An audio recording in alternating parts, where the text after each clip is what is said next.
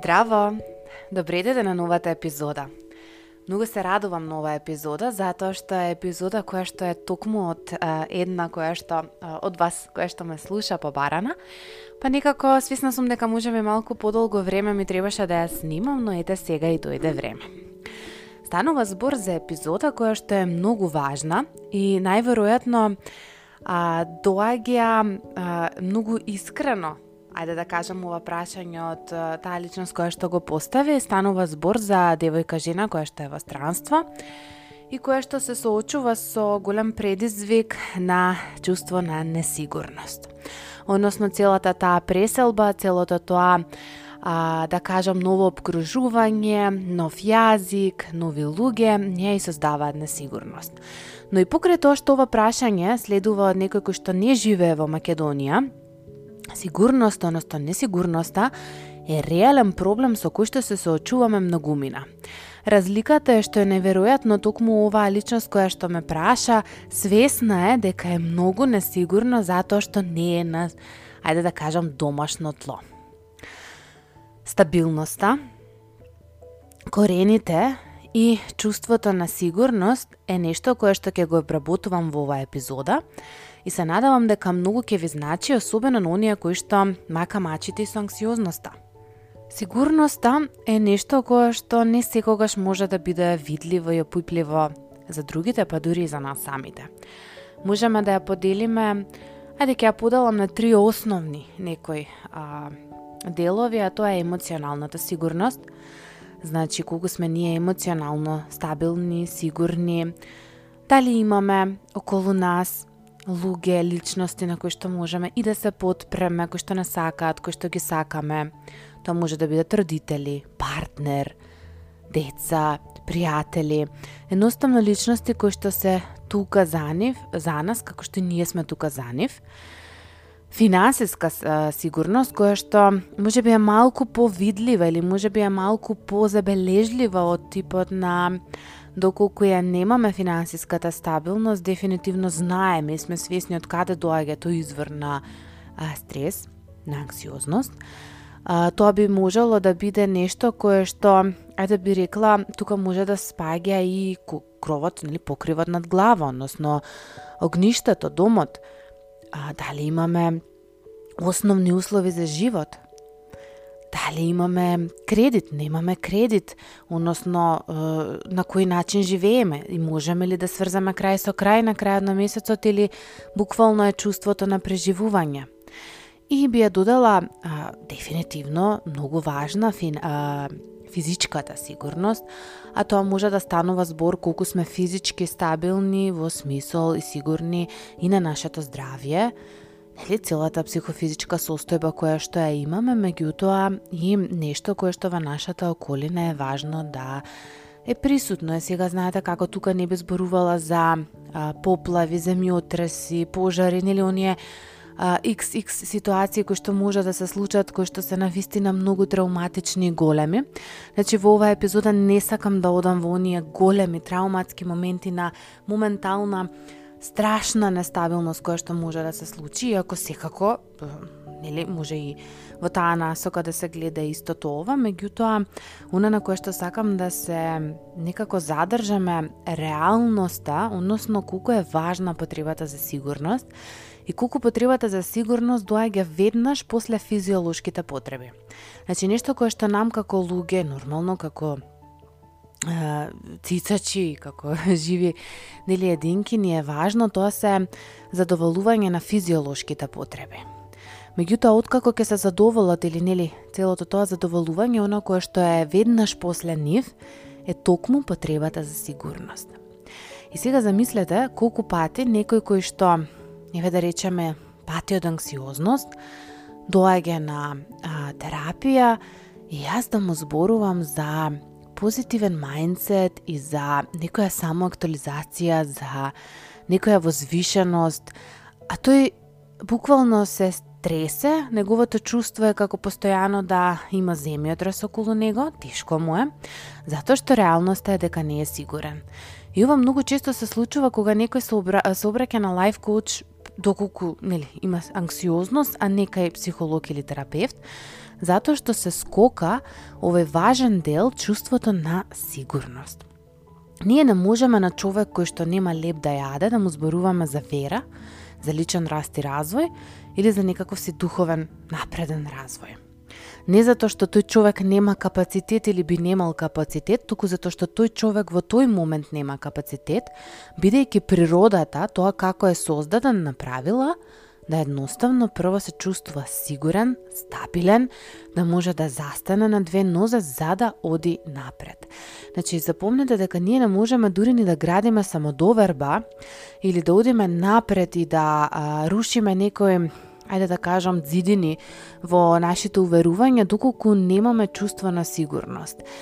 И кога ќе добиеме чувство на сигурност, ако ништо друго, значи да прифатиме несигурноста во која што сме и да се отвориме за несигурност, бидејќи никогаш во животот не можеме да имаме комплетна сигурност. Мислам, тоа едноставно е малку нереално очекување, но она оптимална сигурност кога би ја имале, кога би ја доживеале, од тоа место можеме понатаму да одиме напред, кон припадност, кон конекција со другите луѓе, конекција вклучително, нели нормално и со себе и личниот раст и развој, само активизацијата и така натаму. Е сега, Многу е важно ние да се чувствуваме сигурно затоа што тоа е нашата база и подлога. Ако одиме некако во психолошката теорија, во психолошкиот развој, а, помалку или повеќе знаете дека постои нешто кое што се вика теорија на поврзаност или теорија на атачмент, Тоа е а, како од кога се раѓаме ние имаме веднаш, значи таа теорија доаѓа од болби, јас нема целосно да објаснувам, нема целосно да зборувам за неа, туку само сакам да донесам дека ние имаме а, најчесто три вида на поврзаност, едниот е сигурен атачмент, сигурно поврзување, едното е анксиозно и третото е избегнувачко поврзување, кое што најчесто бебето го прави со мајката или пак со оној кој што најмногу се грижи за него, секако тоа или важи и за таткото, меѓутоа и за некој друг старател кој што е присутен тука. Е сега, начинот на кој што се поврзуваме, односно што е тука интересно, позадината е дека а, кога се раѓа бебето, една од најважните потреби е токму тоа поврзување. И тоа е нешто кое што се создава и тука има многу теориска позадина која што верувам дека нема да ви биде од значење доколку почнам да ја а, разложувам, да ја зборувам и така натаму, меѓутоа потребата за поврзаност е многу важна. Значи може да ја гледаме како потреба за конекција.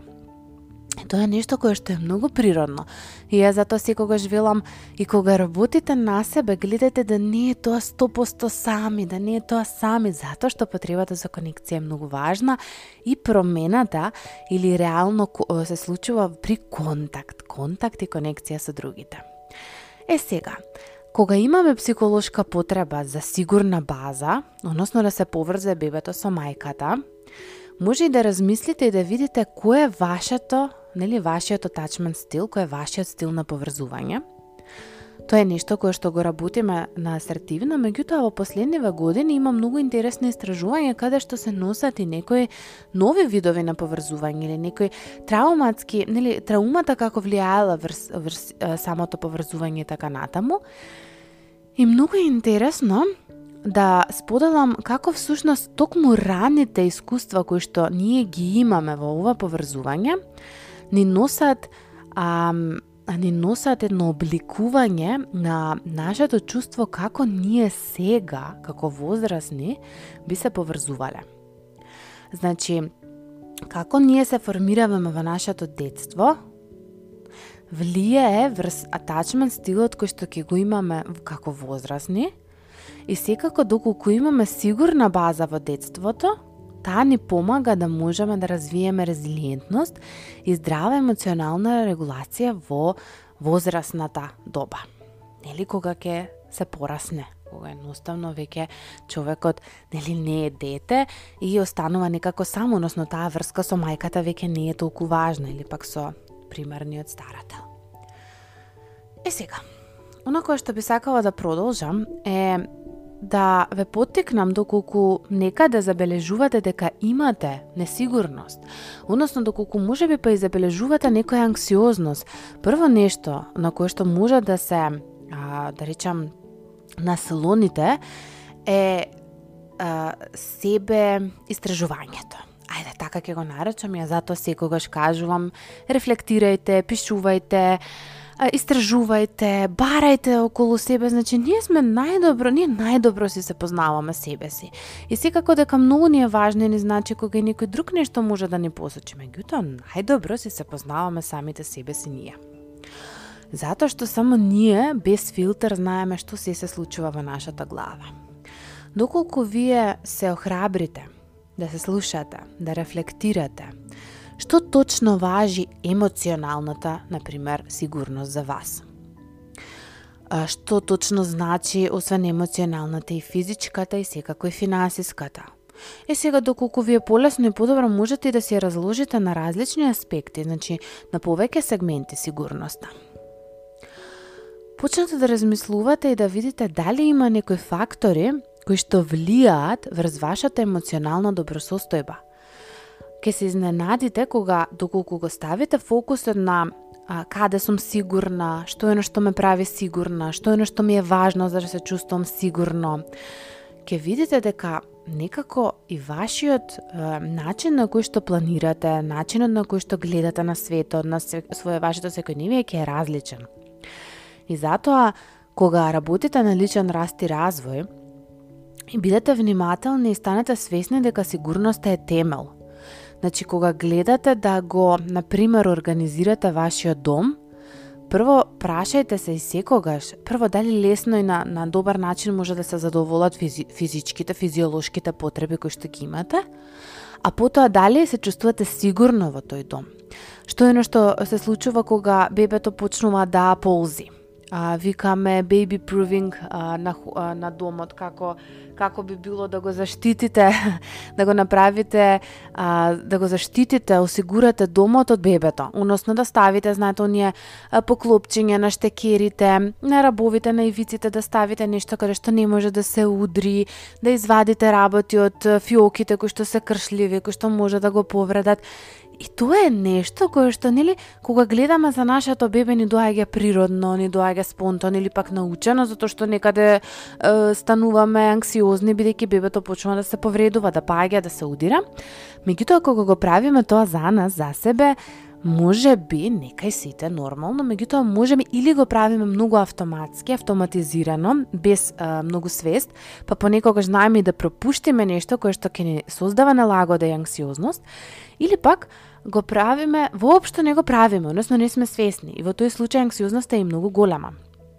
И има една интересен а, Хиге а, минимализам дански, мислам дека а, момент.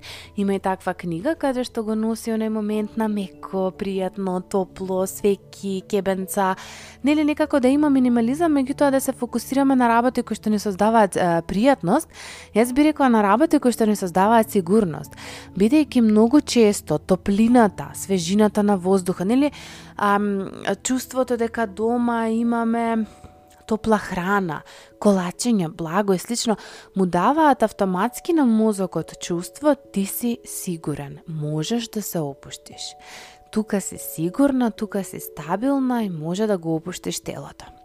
Не би сега некако предолго да трае ова епизода и да навлегувам во регулација, во смирување на, на нервниот систем и сето тоа, меѓутоа доколку се пронаоѓате тука, јас сакам да ве охрабрам да побарате индивидуална помош и поддршка, слободно пишете ми ќе ве насочам за и за препораке, меѓутоа водете се секогаш и по интуиција.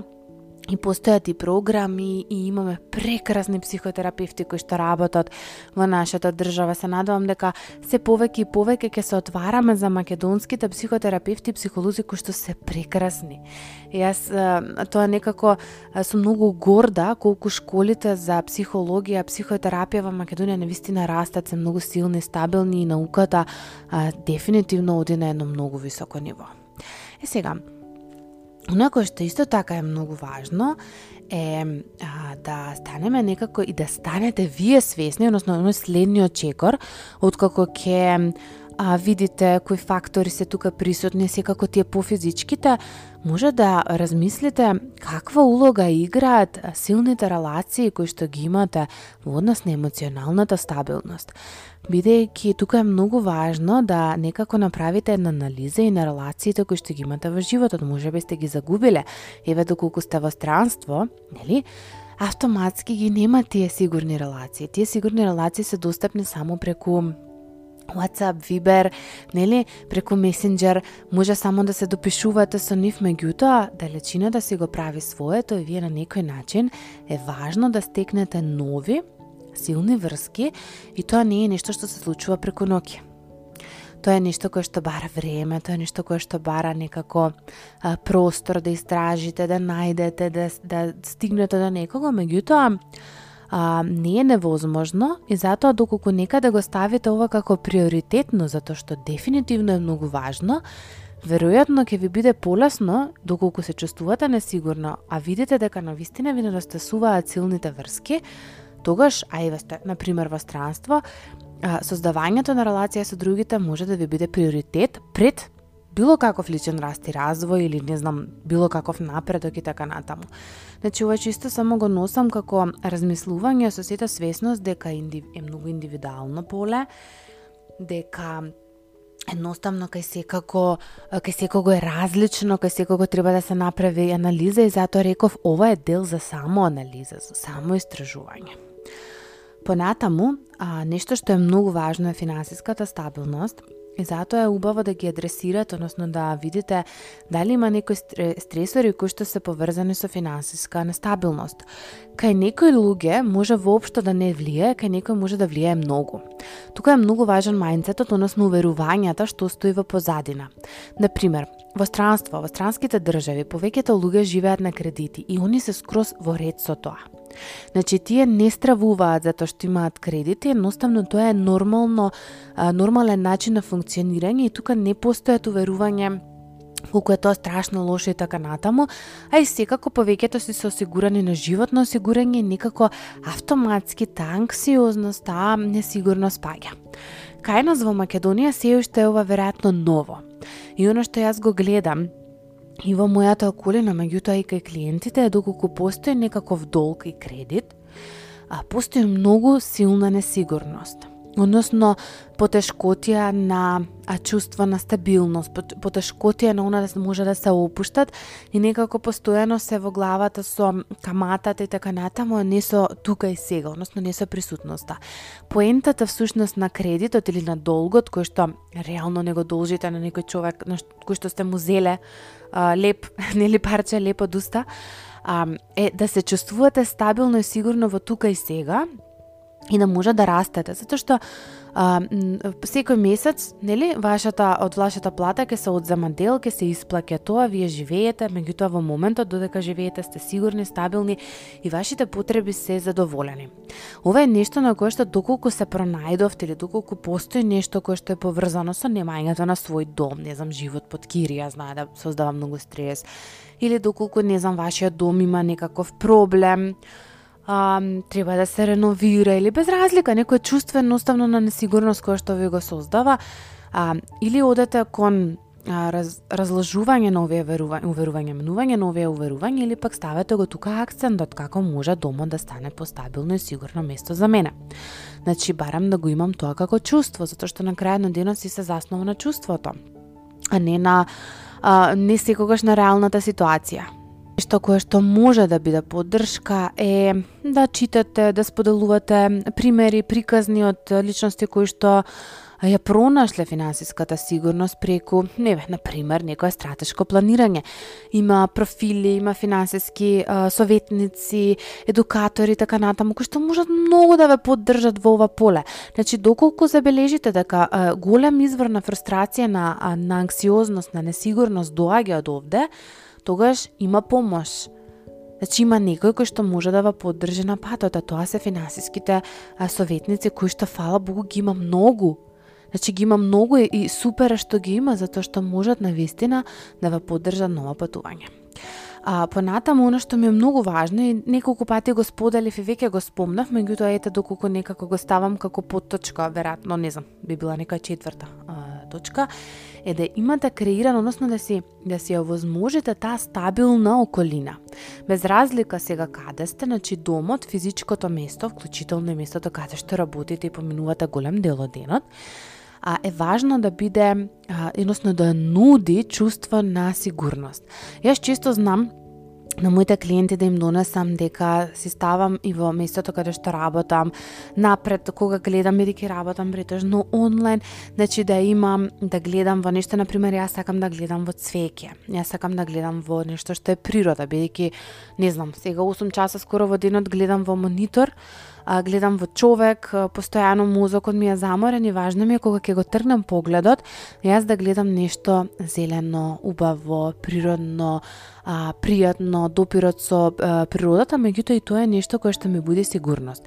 Од друга страна пак секогаш имам чаша а, за кафе или нешто кое што доаѓа од блиска личност, предмет кој што ме подсетува на дом, на пријатно, на нешто убаво. Имам на пример миленце, плетено миленце, кој што ми буди пак некој чувство на така на дом, на нешто старинско, пријатно, сигурно. И тоа е ам, дефинитивно колку и да е смешно, колку и да е банално, колку и да тоа е да е еден предмет, нели? И покрај тоа што јас зборам за минимализам, секогаш викам во тој минимализам вклучете работи кои што прават да се чувствувате пријатно, безбедно, сигурно. И нешто друго кое што може да да креира ваква една стабилна ам, околина и физичко место е дефинитивно да имате ритуали, односно рутина. Е сега ова е нешто кое што може би го зборувала во некоја следна епизода, бидејќи некако е многу долго и веќе самата епизода станува долга. Меѓутоа ете, размислете, ставате си некој хайлайт тука, запишете си, аха, кои се тие рутини или ритуали што можам да ги правам за да се чувствувам а, стабилно, односно да имам чувство на предвидливост. Нели оно што го правиме кај малите деца, и особено кај бебињата, да може да предвидат добро, сега мама ме избања, аха, се изгаси светлото, се читаа при приказни, значи јас треба да спијам. Значи една предвидливост, затоа што дефинитивно кога живееме во чувство на предвидливост, кога имаме капацитет да можеме да знаеме што е што следува, многу ни е полесно во однос на чувството на сигурност. И да не заборавам дека психолошкиот комфорт е многу важен и тој доаѓа токму од оние дневни практики, дневни навики кои што ги правиме и затоа размислете дали може би имате некои дневни практики кои што не ви служат и е време да ги тргнете, а на тоа место да додадете нешто кое што ќе ви служи за да го чувствувате тој психолошки комфорт. Она кое што може да го направите сами, од прилика е ова. Нешто кое што многу помага е да слушате различни приказни, да се инспирирате, да се мотивирате, да, да буквално споделувате приказни на резилиентност, на адаптибилност и некако да се соочите самите да да зборувате и да видите како луѓето се соочуваат и да гледате и да размислите како и вие сте се соочувале досега за да можете некако да ја враќате полека до вербата и во себе и да го видите тој потенцијал кој што природно го носи сите внатре. А, може да помогне дефинитивно стручна помош и поддршка, тоа никогаш не е на одмет и тоа е нешто кое што е нормално индивидуален процес, меѓутоа може да а, помогнат а, медитација, смирување, свесно дишење, приземјување, контакт со природата многу помага. Особено оние медитации кои што повикуваат на заземјување, значи приземјување. Многу помага чувството кога нозете ги допираме до земјата, до трева, до, да речеме, песок и вода. Тоа се некои работи кои што дефинитивно ни помагаат како луѓе да можеме да се чувствуваме постабилни и повеќе во контакт со е, земјината тежа, односно со гравитацијата. А, запомнете дека најдобро а, чувство на сигурност ни носи токму земјата, значи земјината топка, земјата, а, земјата физички, а, градинарството, допирот на, на, на земјата. Затоа ни е многу тешко кога сме во станови, затоа што сме на многу високо. Пробајте доколку а, имате проблем со сигурноста да некако што повеќе се поврзете со Бог, со божественото, не мора да е тоа религиозно, доволно, значи поентата е спиритуално, односно да се враќа полека вербата во Божиото, во тоа дека не сте сами, дека имате поддршка, имате заштита и тоа се работи кои што многу може да поддржат на патот. А, некако се надевам дека со оваа епизода ќе можам ако ништо друго да ве потекнам да практикувате и некои вежби за присутно живење, за mindfulness, кој што можете, имам епизода околу тоа, меѓутоа можете да истражите нешто повеќе и на интернет, а да видите што е оно што вам ви прија, што е оно што вам ќе ви донесе некој спокој и мир, како би можеле што повеќе да се чувствувате сигурно. А немојте да се критикувате или пак да очајувате доколку не можете да одите напред затоа што се чувствувате несигурни, Важно е да прифатиме колку е значајно да бидеме спрва сигурни, па потоа се понатаму. Затоа што, доколку ние не сме сигурни или доколку не сме свесни дека не сме сигурни, или ќе чекуриме постојано под стрес со некоја анксиозност напред, или ќе бидеме заглавени се додека не се освестиме и не сватиме дека токму заглавеноста доаѓа од овде. А, ве повикувам да истражите, да видите што е што вам ви создава несигурност и што е што можете да го направите за да се чувствувате посигурни. А оно што ќе се случи кога ќе се чувствувате посигурни е дефинитивно една отскочна даска кон успех, еден катапулт кон успех, а, и еден многу побрз развој понатаму. И може би и тоа е една од клучните разлики зошто на некој муди побрзо, на некој поспоро, зошто некој може сега, а некој не може сега, затоа што не сите сме сигурни а, или несигурни во исто време и за истото нешто. Едноставно прифатете го ова како факт, како дел од вас, како дел од вашата па и судбина, индивидуалност и моментална приказна И не стравувајте за тоа што токму надминувањето на оваа пречка е нешто кое што може многу да ве поддржи.